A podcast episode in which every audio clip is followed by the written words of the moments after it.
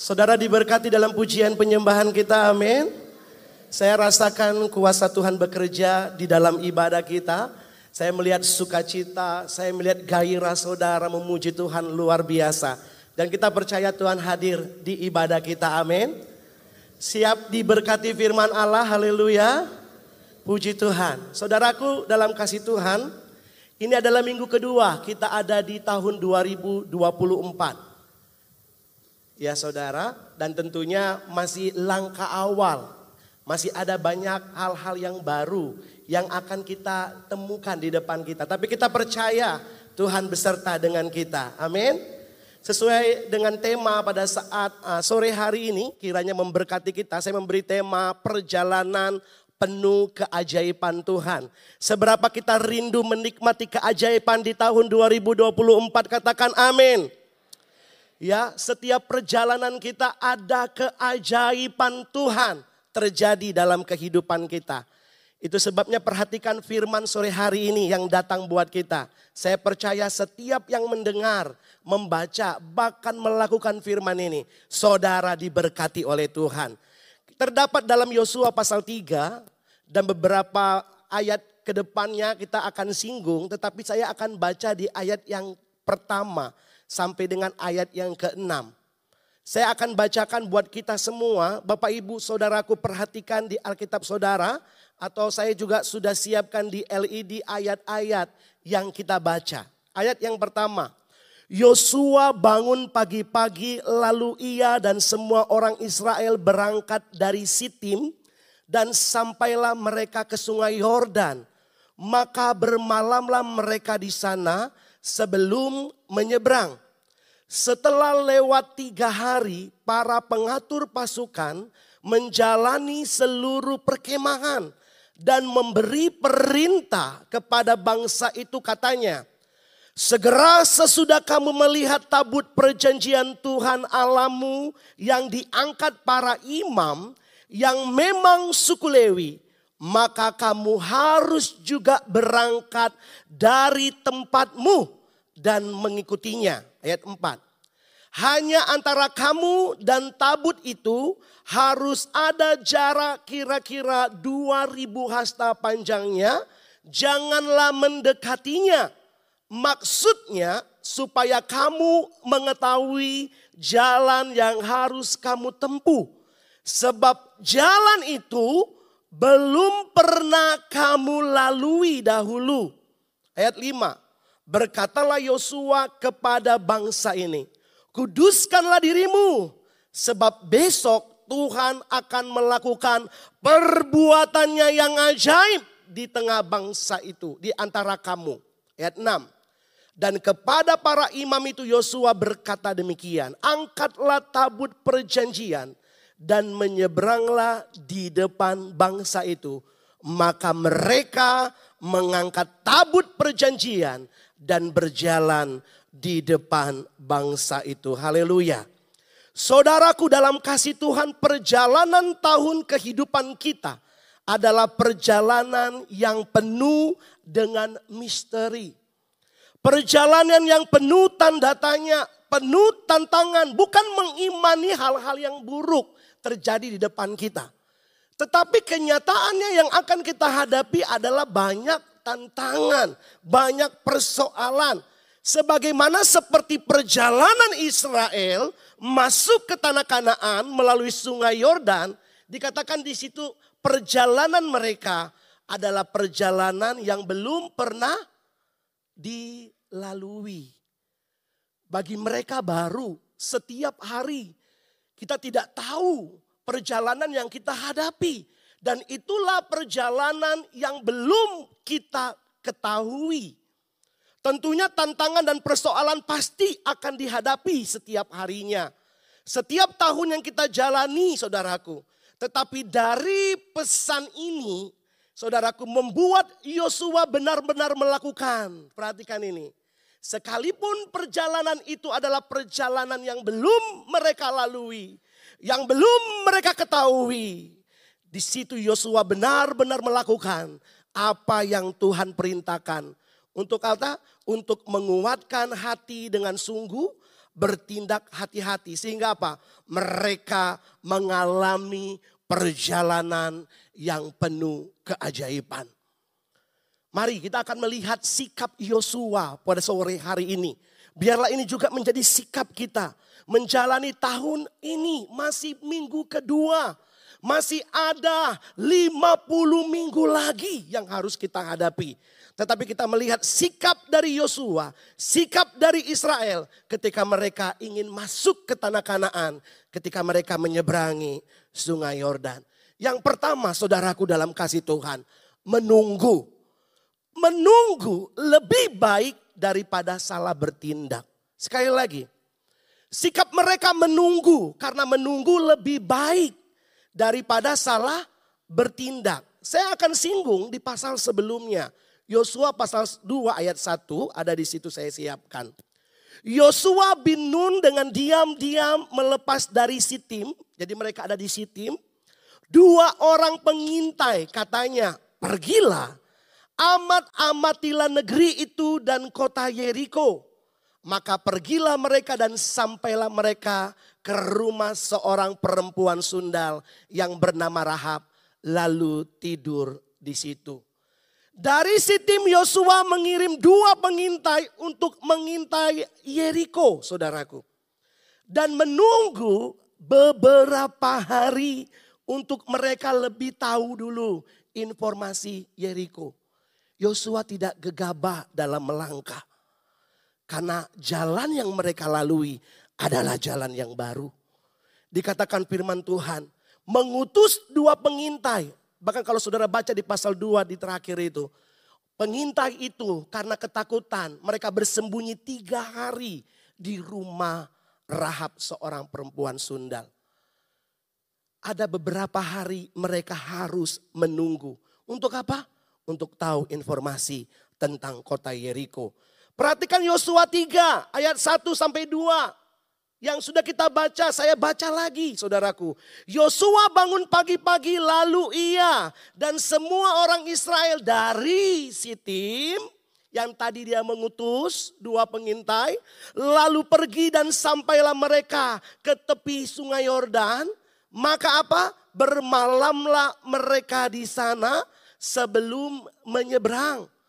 Setelah lewat tiga hari baru Yosua beri pengaturan pasukan yang baru. Saudaraku dalam kasih Kristus, dari Siti mereka berjalan ke sungai Yordan dan bermalam di situ. Mereka menunggu bukan berarti mereka diam. Mereka menunggu bukan berarti mereka tidak bekerja. Mereka mempersiapkan strategi saat mereka akan menyeberangi sungai Yordan sesuai dengan petunjuk Tuhan. Mulai dari mengatur para imam, pengalaman-pengalaman mereka. Pesan dari Musa, orang yang mengangkat tabut perjanjian harus imam dan orang Lewi. Ya, mereka atur bagaimana mereka harus mengangkat tabut perjanjian. Ada perintah mereka atur langkah pertama para imam. Ketika mereka harus masuk ke sungai Yordan. Lalu saudaraku ada lagi langkah pertama para imam dan umat juga harus bergerak mengikuti tabut Tuhan. Jadi pada waktu menunggu beberapa hari supaya tidak salah bertindak. Tidak salah langkah. Menunggu lebih baik sebelum bertindak. Dari sini kita belajar sebelum melangkah. Coba kita berpikir. Coba kita merenung. Coba kita doakan dengan baik. Coba kita melangkah sesuai dengan aturan Tuhan. Sesuai dengan firman Tuhan. Saya percaya perjalanan kita penuh keajaiban. Amin. Bagi kita sebelum melakukan apa-apa berdoa penting saudaraku. Nanti ada Mahanem News doa yang dijawab. Ya saudaraku, artinya apa? Doa itu penting dalam melangkah, dalam pergumulan dan sebagainya. Mari kita bertindak, jangan bertindak sembarangan. Kita harus berhati-hati. Bagaimana kita harus memutuskan dan melangkah. Mungkin di tahun 2023 kita gagal. Kita pernah menjadi pribadi yang bodoh, melakukan hal yang tidak menyenangkan hati Tuhan, bermelangkah dengan sembarangan. Tetapi tahun 2024 biarlah kita bertindak dengan hati-hati. Saudaraku dalam kasih Tuhan, keberanian kita harus disertai dengan kehati-hatian. Jangan keberanian yang berlebihan menjadi apa? Kita mati konyol. Berani bagus. Tetapi keberanian tanpa bijaksana dari Tuhan. Kita bisa mengalami kegagalan. Orang yang berani itu tidak selamanya terus maju. Orang yang berani itu tidak selamanya terus berlari. Terkadang dia harus berhenti, dia harus berjalan berlahan-lahan, bahkan mungkin dia mundur untuk mendapatkan apa? Momentum yang tepat untuk melewati rintangan. Jadi berani nggak selalu saudara buru-buru. Berani nggak selalu saudara harus cepat-cepat. Terkadang kita perlu tahan. Terkadang kita perlu diam. Terkadang kita perlu menunggu, kita perlu mundur sejenak untuk menunggu momen yang tepat. Seperti Yosua. Dia berhenti di Sitim, dia berhenti di sungai di tepi sungai Yordan, menunggu beberapa hari, mengirim para pengintai. Pertanyaan saya apakah ini ide biasa? Apakah ide ini tidak sengaja? Saudaraku tentunya ide ini didapatkan oleh karena hasil menunggu. Haleluya. Ketika ada aturan harus lewi, harus imam, harus imam dulu melangkah. Baru umat siap-siap melihat bergeraknya tabut, bergeraklah umat. Ini rencana bukan rencana abal-abal, bukan rencana dadakan. Disusun dengan baik. Saya percaya saudara akan mengalami berkat Tuhan di tahun ini. Karena saudara berhati-hati bersama dengan Tuhan. Terkadang kita harus menunggu dengan sabar, amin. Menanti dengan diam, bergerak sesuai dengan tuntunan Tuhan. Maka saya percaya kita akan melihat perjalanan yang penuh keajaiban. Selanjutnya saudaraku, sikap selain menunggu yang kedua. Harus ada persiapan. Tiga bagian persiapan yang akan kita bahas pada sore hari ini. Persiapan hati dan jiwa. Persiapan jasmani dan persiapan rohani. Dunia firman Tuhan katakan bertambah menjelang kedatangan Tuhan secara teknologi betul canggih. Ya saudaraku, tetapi dunia semakin susah. Semakin jahat. Persiapan hati dan jiwa, jasmani dan rohani. Perhatikan ayat 3, ayat 2 dan 3. Setelah lewat tiga hari, perhatikan di sini di tepi sungai Yordan, setelah lewat tiga hari, para pengatur pasukan menjalani seluruh perkemahan. Kadang-kadang Yosua ingin menyampaikan kepada umat kemah-kemah mereka, ada kepala pasukan, ada pengatur pasukan yang akan menjalani seluruh perkemahan, memberi perintah, memberi informasi. Ayat 3, dan memberi perintah kepada bangsa itu katanya apa? Segera sesudah kamu melihat tabut perjanjian Tuhan alamu yang diangkat para imam yang memang suku Lewi, maka kamu harus juga berangkat dari tempatmu dan mengikutinya. Ada persiapan. Nah, saudaraku, ayat yang kita baca ini sebenarnya persiapan ketiga. Ada tiga persiapan. Ini persiapan ketiga, saudaraku, dan kita akan masuk persiapan pertama dulu, yaitu persiapan jiwa, persiapan hati. Kita baca di ayat 9 dari pasal 1. Ini Tuhan mempersiapkan Yosua dan umat lebih dulu. Perhatikan persiapan hati dan jiwa. Yosua 1 ayat 9. Bukankah telah kuperintahkan kepadamu? Semua baca yuk. Satu, dua, tiga. Kuatkan dan teguhkanlah hatimu. Janganlah kecut dan tawar hati. Sebab Tuhan Allahmu menyertai engkau ke mana engkau pergi. Amin. Tuhan tahu kondisi Yosua. Tuhan tahu kondisi umat Israel. Tetapi perlu sebelum melangkah ada persiapan bagaimana hati kita menghadapi tantangan. Bagaimana jiwa kita menghadapi persoalan. Jangan sampai badai datang kita KO. Jangan sampai masalah datang kita mundur. Tetapi kuatkan dan teguhkan hatimu. Jangan tawar hati. Saudara bicara tawar hati diartikan sebagaimana suasana hati yang tidak gembira, tidak bernafsu atau tidak bergairah, tidak bersemangat atau tidak menaruh perhatian. Dia dengar, dia melihat keadaan zaman tawar hati sehingga suasana hatinya tidak mengalami sukacita. Selanjutnya tawar hati adalah merupakan suatu kondisi emosional yang negatif. Kalau sudah negatif mau apa pun saudara tidak akan bisa lakukan. Kalau sudah tak berdaya makan pun tidak niat. Betul atau betul? Ya, bahkan ada saudaraku tawar hati nggak mau mandi setahun. Di kamar terus, takut, cemas, karena dalam masa kesukaran pada umumnya orang cenderung kecil hati. Orang tidak bersemangat. Semangatnya menurun, energi positifnya menjadi berkurang. Bahkan dia dikuasai oleh suasana yang negatif. Amsal 24 ayat 10. Baca sama-sama, 1, 2, 3. Jika engkau pada masa kesesakan ya kecillah kekuatanmu. Ini yang harus kita siapkan bagaimana jiwamu, bagaimana hatimu. Ketika kita tawar hati, hati kita tidak benar, tidak beres, dikuasai hal yang negatif, maka tidak ada kekuatan. Atau kecil kekuatan. Kecil kekuatan dapat berbuat apa saudaraku?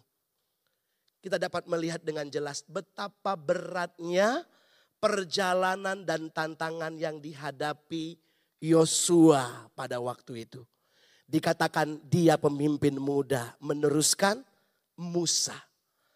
Janji diberikan, tetapi untuk mendapatkan janji itu dia harus berjuang. Bukan duduk santai berkipas-kipas menikmati uh, zona-zona uh, yang nyaman. Tetapi dia melangkah perlu perjuangan. Yosua bin Nun menyadari sebagai pemimpin yang baru saudaraku. Dia harus memimpin Israel yang tegar tengkuk. Israel yang keras kepala.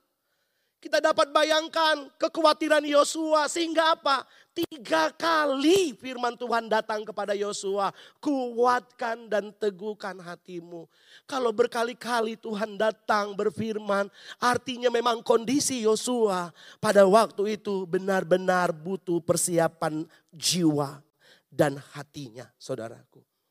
Tetapi syukur pada Tuhan karena Tuhan mengetahui kondisi dan perasaan Yosua. Ya, itu sebabnya Tuhan berjanji, aku akan apa? Menyertai. Seperti pujian tadi ya. Ya Tuhan menyertai kita. Haleluya. Jangan takut. Amin. Tuhan menyertai kita. Saat ini mungkin kita sedang mengalami yang dialami Yosua. Baru dua minggu Pak. Tapi puji Tuhan saudara berdoa tapi puji Tuhan saudara beribadah. Di situlah saudara dipulihkan hatinya. Jiwanya dikuatkan ketika firman Tuhan berkata jangan takut. Kuatkan dan teguhkan hatimu. Jangan tawar hati. Aku akan menyertai engkau. Haleluya saudaraku. Datang sama Tuhan. Karena yang mengerti kondisi mental kita kondisi yang kita alami hari-hari ini. Mungkin saudara tawar hati, saudara cemas, saudara takut. Tuhan tahu dan mengerti kondisi kita. Amin. Haleluya. Dan yang ke selanjutnya di situ dikatakan kuatkan hati kita, persiapkan jiwa kita, jangan tawar hati. Sebab Allah menyertai Musa, menyertai Yosua juga menyertai kita. Katakan amin. Amin. Dia akan menyertai kita. Itu persiapan dari jiwa dan hati kita. Yang selanjutnya persiapan jasmani. Persiapan kedua, persiapan jasmani. Perhatikan Yosua 1 ayat 10 dan 11. Lalu Yosua memberi perintah kepada pengatur-pengatur tadi yang kita bahas tadi, pengatur pasukan bangsa itu untuk berjalan di perkemahan, katanya seperti ini. Jalanilah seluruh perkemahan dan perintahkanlah kepada bangsa itu demikian. Sediakanlah bekalmu sebab dalam tiga hari kamu akan menyeberangi sungai Yordan ini untuk pergi menduduki negeri yang akan diberikan Tuhan Alamu kepadamu untuk diduduki. Ini luar biasa. Tuhan itu nggak salah dalam mempersiapkan kita. Amin. Susah boleh ada di depan kita. Jiwa kita nggak boleh lemah. Bahkan kebutuhan jasmani kita juga harus dipersiapkan. Selama 40 tahun di padang gurun mereka menikmati berkat dari Tuhan. Ada mana sorgawi. Ada mana sorga yang turun mereka harus kumpul sehari satu kali. Sehari satu kali sesuai dengan kebutuhan. Mereka harus kumpulkan itu selama 40 tahun saudaraku. Dan ketika mereka akan menyeberang sungai Yordan. Mereka sampai di Gilgal mana itu berhenti sudah tidak lagi turun mana saudaraku. Itu sebabnya Tuhan minta mereka persiapkan be bekal. Mana nggak boleh disimpan. Dia akan busuk. Mana nggak boleh disimpan. Itu sebabnya ini Tuhan itu luar biasa. Dia tidak mau kita kekurangan dalam hal jasmani. Itu sebabnya persiapkan bekalmu dikatakan.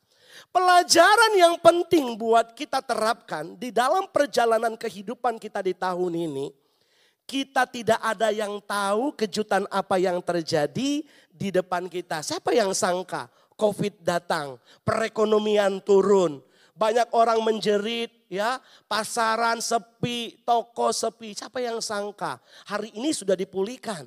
Tetapi pengalaman COVID menjadi pengalaman baru buat kita supaya apa di tahun yang akan datang kita sudah siap dalam hal just just money. Karena tidak terduga bisa datang saja kepada kehidupan kita. Itu sebabnya persiapan jasmani penting untuk kita siapkan. Amin. Coba Amsal 30 ayat 25 kita belajar dari semut ya. Dikatakan demikian, semut bangsa yang tidak kuat tetapi yang menyediakan makanannya di musim semut bangsa yang tidak kuat. Ya. Manusia dikenal dengan manusia yang penuh kelemahan, mudah rentan, ya mudah lemah. Tetapi dikatakan belajar dari semut, binatang yang kecil mempunyai sifat yang rajin, dia mencari makan, mempersiapkan makanannya di musim panas. Karena tidak tahu kapan musim hujan itu akan datang. Tetapi ketika musim hujan, musim badai datang, makanan sudah dipersiapkan. Saudaraku dalam kasih Tuhan, menikmati perjalanan penuh keajaiban bukan berarti kita hanya diam, aku percaya, tidak bekerja. Berjalan dengan penuh keajaiban bukan berarti kita merenung saja tidak bekerja. Kita butuh persiapan kebutuhan jasmani kita. Israel diberi janji bahwa tanah Kanaan adalah penuh susu dan madu dan penuh kelimpahan. Janji Tuhan yang sama buat kita. Tahun ini saudara diberkati. Amin. Tetapi bukan berarti kita tidak persiapkan hal jasmani. Walaupun janji Israel di tanah Kanaan melimpah. Mereka juga mempersiapkan bekal. Karena mereka akan me menyeberang. Perhatikan ini Sekalipun Allah berjanji untuk memberkati kita, mari persiapan ini adalah persiapan yang sangat penting, saudaraku. Kita mau rajin, haleluya. Ada anak-anak Tuhan di 2023 udah lakukan ini. Gagal, gagal, gagal, tawar hati, takut. Hari ini bangkit. Mencoba terus. Ya, pemenang bukan berarti orang yang tidak pernah gagal. Pemenang adalah orang yang mencoba ketika dia mengalami kegagalan. Amin. Coba terus, coba terus. Persiapkan hal-hal jasmani. Karena Tuhan ingin memberkati setiap usaha dan pekerjaan kita. Dan yang terakhir, saudaraku, jiwa dipulihkan, haleluya. Hati dikuatkan, amin. Dan percaya persiapan jasmani kita pun Tuhan atur sedemikian rupa. Yang terakhir, persiapan rohani. Yang kita sudah baca tadi. Kita baca ulang yuk Yosua 3 ayat 2. Nah ini tadi saya bilang persiapan ketiga sebelum menyeberang sungai Yordan. Yosua 3 ayat 2, setelah lewat tiga hari para pengatur pasukan menjalani seluruh perkemahan. Apa yang dikatakan para pasukan ini? Dia memberi perintah kepada bangsa itu katanya, segera sesudah kamu melihat tabut perjanjian Tuhan alamu yang diangkat para imam yang memang suku Lewi, persiapannya ya saudara luar biasa. Maka kamu harus juga berangkat dari tempatmu dan semua jawab mengikutinya. Jadi sebelum menyeberang udah dikasih tahu dulu. Udah dipersiapkan dulu supaya tidak ada lagi aku ketinggalan. Aku ketinggalan gak ngerti. Gak ngerti kapan itu bergerak. Bersiap kerohanian kita. Tidak kalah penting dengan jiwa. Tidak kalah penting dengan persiapan jasmani. Persiapan rohani harus kita siapkan di tahun ini. Supaya apa? Supaya kita kuat. Iman kita kuat di dalam Tuhan, saudaraku. Nah, saudaraku, persiapan rohani yang pertama, saudaraku melangkah dengan iman. Imam dan orang Lewi sudah diatur sedemikian rupa dan mereka bertindak dengan iman. Umat juga harus melakukan yang sama. Mereka juga harus melangkah dengan iman mereka. Artinya begini saudaraku, Tuhan menginginkan kita untuk melangkah. Artinya Tuhan mau kita bergerak dan tidak diam. Tuhan mau iman kita aktif di dalam melangkah. Di dalam kita percaya kepada dia harus disertai dengan tindakan. Meskipun banyak tantangan, banyak persoalan, banyak pencobaan.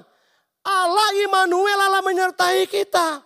Dan tentunya janji penyertaan akan kita nikmati kalau kita melangkah dengan iman. Jadi ketika janji itu kita dengar jangan yes amin. Yes amin. Semangat pulang dari sini. Saudara tidak bertindak melakukan firman Tuhan. Maka semua sia-sia. Perhatikan langkah iman yang hidup di bagian terakhir ini. Langkah iman yang hidup langkah iman yang hidup menempatkan Tuhan di depan sebagai pemimpin. Perhatikan yang sudah kita baca tadi. Klik, dikatakan di situ. Segera sesudah kamu melihat tabut perjanjian Tuhan alamu yang diangkat para imam yang memang suku Lewi, maka kamu harus juga berangkat dari tempatmu dan mengikutinya. Tabut perjanjian Tuhan pada waktu itu adalah bukti kehadiran Tuhan. Tuhan hadir di tengah umatnya. Ketika kita ingin menghidupi langkah iman kita. Mari di tahun 2024 ini tempatkan Tuhan di depan kita sebagai pemimpin. Haleluya. Jadikan Tuhan pemimpin. Dikatakan izinkan dulu tabut itu berjalan. Ketika kamu melihat tabut itu bergerak, berangkatlah dari tempatmu dan ikuti. Izinkan Tuhan di depanmu. Jangan kita atur-atur Tuhan. Jangan kita paksa-paksa Tuhan mengikuti kehendak kita, mengikuti jalan kita. Tetapi izinkan kita menyerah total kepada pimpinan Tuhan. Saudaraku dikatakan harus ada jaga jarak antara tabut dengan umat. Ya tentunya bicara tentang kekudusan. Tetapi dijelaskan di ayat yang kita baca supaya kamu dapat melihatnya dan mengikutinya. Saya ingat ayat firman Tuhan, kalau kamu ingin menjadi pengikut Kristus, ya, dikatakan apa? Menyangkal diri dan ikutilah aku. Jadikan Tuhan pemimpin satu-satunya di dalam kehidupan kita. Perhatikan kalimat yang sederhana tetapi mengandung makna yang luar biasa dikatakan kamu harus juga dikatakan di situ ada kamu harus juga berangkat dari tempatmu dan mengikutinya. Inilah iman yang hidup. Bukan caraku, bukan kehendakku, bukan mauku, bukan pengalaman yang lalu yang aku banggakan untuk tahun 2024 ini, tetapi kepada pimpinan Tuhan. Amin. Kalau Tuhan sudah pimpin, sungai yang dalam Tuhan buka. Haleluya. Kalau Tuhan sudah pimpin yang mustahil, tidak ada yang mustahil di hadapan Tuhan. Tuhan dapat lakukan perkara yang ajaib dan luar biasa. Saudara beriman, amin. Langkah iman yang hidup, jadikan Tuhan pemimpin hidupmu. Haleluya. Selanjutnya langkah iman yang hidup. Bukan hanya menjadi Tuhan pemimpin, tetapi persiapan kerohanian kita dalam iman kita harus mau menguduskan diri sesuai dengan karakter Allah. Di bagian ini sulit. Bagian pertama, oke okay, dipimpin. Tapi bicara kekudusan itu mutlak harus dilakukan. Karena Allah kita kudus, maka kita harus kudus. Amin. Saudaraku Yosua 3 ayat 5 berkata demikian. Berkatalah Yosua kepada bangsa itu, kuduskanlah, dikatakan kuduskanlah dirimu sebab besok Tuhan akan melakukan perbuatan yang ajaib di antara kamu. Perhatikan di sini, menguduskan diri memiliki pengertian. Kita dipisahkan tidak mencemari diri kita dengan perbuatan-perbuatan yang najis atau hal yang tidak berkenan di hadapan Tuhan. Saya ingat khotbah gembala saudaraku. Dikatakan apa? Tuhan mau menjelang kedatangan Tuhan. Ya, gunakan kesempatan untuk apa? Untuk kita hidup tidak bercela. Untuk kita hidup ditemukan, hidup kita kudus di hadapan Tuhan menjelang kedatangan Tuhan. Bukan hanya pelayanan, bukan hanya pertumbuhan, tetapi kekudusan juga harus menjadi bagian kita. Sesuatu yang cemar, sesuatu yang tidak berkenan. Hari ini kita belajar. Kalau saudara rindu, Tuhan bekerja dalam hidup saudara. Saudara rindu di tahun 2024 perjalanan penuh keajaiban. Berhenti mencemarkan hidupmu dengan dosa-dosa yang menyakitkan hati Tuhan. Menguduskan diri juga berbicara tentang hati. Bicara tentang keinginan yang harus selaras dengan kehendak Tuhan. Hati ini milik Tuhan. Hati ini tidak dapat dilihat oleh banyak orang, tapi Tuhan lihat hati kita. Bagaimana hati kita harus selaras dengan kehendak Tuhan. Menguduskan diri menunjukkan kepada prinsip Perhatikan di sini bahwa Allah tidak akan bertindak. Waduh sedih sekali. Tidak akan bertindak, tidak akan melakukan mukjizat untuk umatnya jikalau hati mereka belum kudus. Karena Tuhan tidak mau bekerja di dalam kenajisan. Tetapi Tuhan bekerja di dalam kekudusan. Saudara sudah dikuduskan oleh darah Tuhan. Saudara sudah disucikan oleh darah Kristus.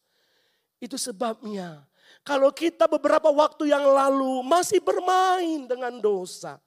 Ya, masih suka di dalam lumpur kenajisan. Tetapi saudara rindu Tuhan bekerja keajaiban Tuhan tahun ini ajaib. Betul ajaib itu menjadi bagian saudara. Bayar harga di hadapan Tuhan. Aku mau kudus di hadapanmu Tuhan. Gak main-main saudaraku. Sesuatu yang berat. Sesuatu yang sulit tetapi Tuhan minta ini ada terjadi di umatnya. Di dalam 1 Petrus pasal 1 ayat 15 sampai 16. Tetapi hendaklah kamu menjadi kudus. Bukan sebagian. Bukan beberapa bagian. Tetapi seluruh hidupmu sama seperti dia yang kudus. Yang telah memanggil kamu. Sebab atas tertulis semua baca. Kuduslah kamu sebab aku kudus. Kuduslah kamu sebab aku kudus. Sebelum kita meminta Allah melakukan tanda keajaiban dalam kehidupan kita. Hari ini mari kita memastikan dahulu kita beres di hadapan Tuhan. Kalau di Yesaya katakan mari berperkara dengan Tuhan. Sekalipun dosamu semerah kain krimizi. Tuhan dapat sanggup saudaraku mengubah menjadi putih seputih salju. Wow luar biasa Tuhan kita. Itu sebabnya kuduskan diri kita. Besok dikatakan firman Tuhan. Besok Hari ini kita berani bayar harga kudus. Besok Tuhan akan berjalan dengan penuh keajaiban dalam kehidupan kita. Matius 5 ayat 8 dikatakan seperti ini. Berbahagia orang-orang suci hatinya. Karena mereka akan melihat, ya, melihat cara Allah bekerja. Melihat keajaiban Allah Ayat yang selanjutnya Yakobus 4 ayat 8. Mendekatlah kepada Allah, maka dia akan mendekat kepadamu, bersihkan tanganmu. Hai orang-orang berdosa dan sucikan hatimu, kamu yang mendua hati. Tidak perlu kita tunjuk, lo yang berdosa, gua enggak. Lo dosanya banyak, gua sedikit. Sama, kecil dikit dosa. Bukan lo yang berdosa, bukan gua yang berdosa. Sama-sama dibereskan. Bukan main-main, harus di hadapan Tuhan. Dikatakan apa? Mendekatlah kepada Allah. Maka dia akan mendekat kepada kita. Amin. Pengudusan sebelum berperang adalah penting. Karena ini adalah persiapan supaya Allah bekerja di dalam kita di dalam perperangan kita. Saudara, mau lihat tahun yang penuh keajaiban dari Tuhan, amin? Dimulai dari keluarga kita. Suami menyembunyikan kenajisan di hadapan istri. Kudus. Istri menyembunyikan dosa di hadapan suami. Minta pengudusan kepada Tuhan. Anak-anak yang masih single yang hari ini datang. Yang masih suka melakukan hal yang tidak berkenan. Engkau rindu papa mamamu ingin diberkati. Engkau rindu keluargamu ingin diberkati. Minta pengudusan. Pelayan-pelayan Tuhan. Bukan hanya keahlian yang kita perlukan dalam melayani Tuhan. Tetapi kita rindu setiap pelayanan kita kuasa Tuhan bekerja di permainan musikmu ada kuasa Tuhan bekerja di atas pimpinan worshipmu, pimpinan pujianmu. Ada kuasa Tuhan bekerja di sapaan salam senyummu. Kuduskan dirimu di hadapan Tuhan. Maka kuasa Tuhan bekerja dalam kehidupan kita. Selanjutnya langkah iman yang hidup. Langkah iman yang hidup bertindak dengan iman. Ayat 13 sampai dengan ayat 16 saya sudah siapkan ayatnya. Saudara perhatikan di sini. Ayat 13, ternyata langkah iman yang hidup itu ada perlunya tindakan. Yakobus katakan, iman tanpa tindakan perbuatan nol. Ayat 13, segera sesudah kaki para imam pengangkat tabut Tuhan, Tuhan semesta bumi berhenti dalam air sungai Yordan, maka air sungai Yordan itu akan terputus. Air yang turun dari hulu akan berhenti mengalir menjadi bendungan. Ayat 14. Ketika bangsa itu berangkat dari tempat perkemahan mereka untuk menyeberang sungai Yordan, Para imam pengangkat tabut perjanjian itu berjalan di depan bangsa itu. 15. Segera sesudah para pengangkat tabut itu sampai ke sungai Yordan. Dan para imam pengangkat tabut itu mencelupkan kakinya ke dalam air di tepi sungai itu. Sungai Yordan itu sebab sampai meluap sepanjang tepinya selama musim menuai maka ayat 16, berhentilah air itu mengalir, air yang turun dari hulu melonjak menjadi bendungan, jauh sekali di dekat Adam, kota yang terletak di sebelah Sartan. Sedang air yang turun ke laut Araba itu, yakni laut asin, terputus sama sekali. Lalu, ini mujizatnya, menyeberanglah bangsa itu di tentangan Yeriko. Bagi Yosua ini adalah mujizat yang baru di dalam kepemimpinannya. Tetapi perhatikan iman adalah soal ketaatan pada firman Allah. Kalau roh kudus bilang berhenti berbuat dosa, taat saja saudaraku. Amin. Kalau roh kudus ingatkan kamu udah salah, taat. Karena di situ Tuhan akan berkati saudara dan keluarga saudara. Jadi iman dan tindakan itu harus nyata. Sebagaimana perintah dari Yosua, perintah dari firman Tuhan, tabut itu harus diangkat oleh para imam dari suku Lewi. Mereka harus melangkah. Saudaraku, sama dengan halnya ketika kita berjalan masuk ruangan, ada di bank ya, di bank di beberapa rumah sakit, kita melangkah. Kalau kita mundur, kaca yang otomatis pintu terbuka itu tidak akan terbuka buat saudara. Kalau kita nambah mundur, tidak akan terbuka. Semakin sulit pintu itu akan terbuka. Ada beberapa bank dan rumah sakit ada ini kacanya terbuka, eh, bergeser. Tetapi semakin saudara melangkah, melangkah, mendekat kaca itu, maka terbukalah kaca itu. Dan ini mereka dengar dari perintah Tuhan perintah dari pemimpin mereka sudah melangkah, melangkah, celupkan kaki para imam lebih dulu, maka sungai itu akan terbelah. Bagaimana dengan kita? Saudara rindu keajaiban Tuhan terjadi. Melangkah dengan iman penuh ketaatan. Sekalipun sulit untuk taat saudaraku, hidup kita akan lebih sulit lagi kalau kita tidak taat. Mujizat terjadi bagi Yosua, bagi Israel karena mereka taat. Prinsip iman di dalam perjanjian lama dan perjanjian baru sama. Artinya melangkah dengan ketaatan. Angkat iman kita. Lakukan firman Tuhan. Maka Tuhan akan campur tangan. Dan yang terakhir, Langkah iman yang hidup adalah hidup menyembah Tuhan. Yosua 4 ayat 5 sampai 7 saya akan bacakan dengan cepat. Dan Yosua berkata kepada mereka, menyeberanglah di depan tabut Allah Alamu ke tengah-tengah sungai Yordan dan angkatlah masing-masing sebuah batu ke atas bahumu menurut bilangan suku Israel. Ayat 6. Supaya ini menjadi tanda di tengah-tengah kamu.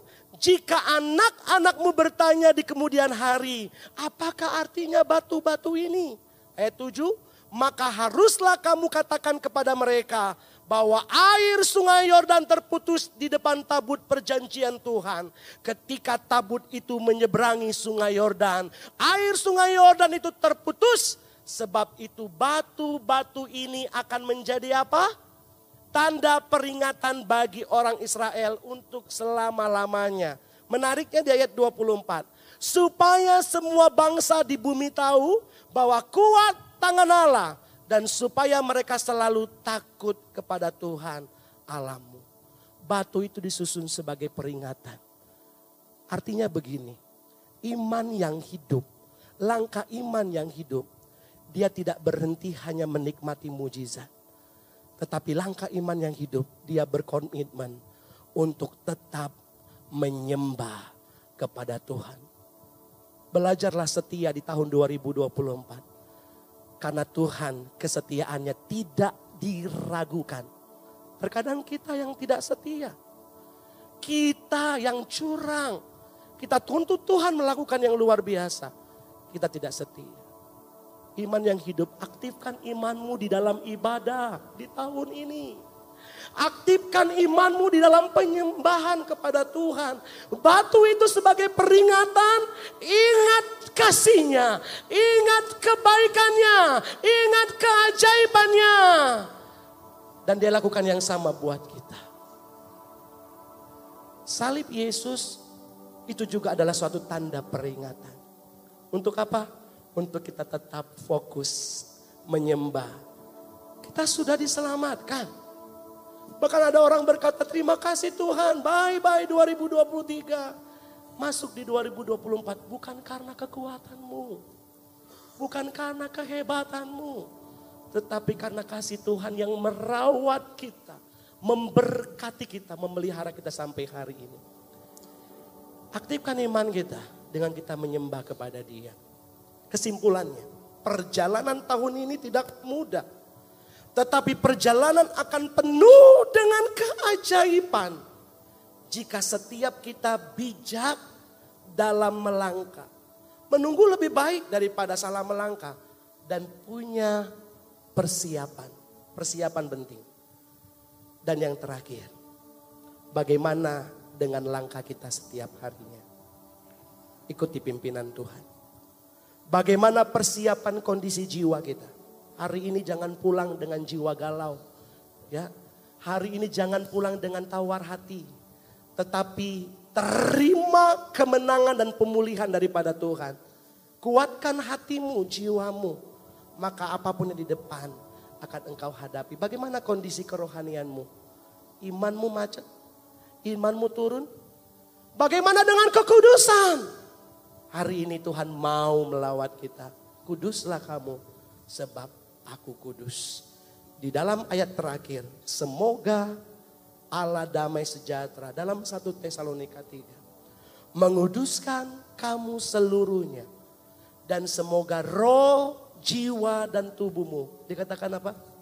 terpelihara. Tuhan, saya mau berjalan di tahun ini dengan keajaiban. Pulihkan rohku, pulihkan jiwamu, berkati jasmaniku dan keajaiban Tuhan, pemeliharaan yang sempurna menjadi bagian kita.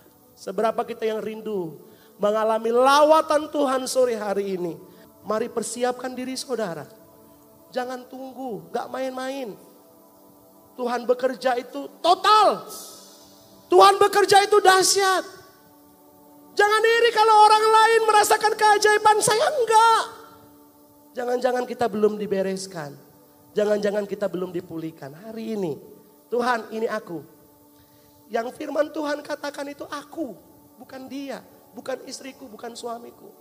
Yang firman Tuhan barusan ini itu aku Tuhan. Aku mau dipulihkan, amin. Mari datang kepada dia. Datang dengan penuh kerendahan hati. Bukan siapa-siapa. Tanggalkan keegoisan kita. Tanggalkan kesombongan kita Tanggalkan keakuan kita Tuhan. Aku mau dipulihkan sore menjelang malam ini.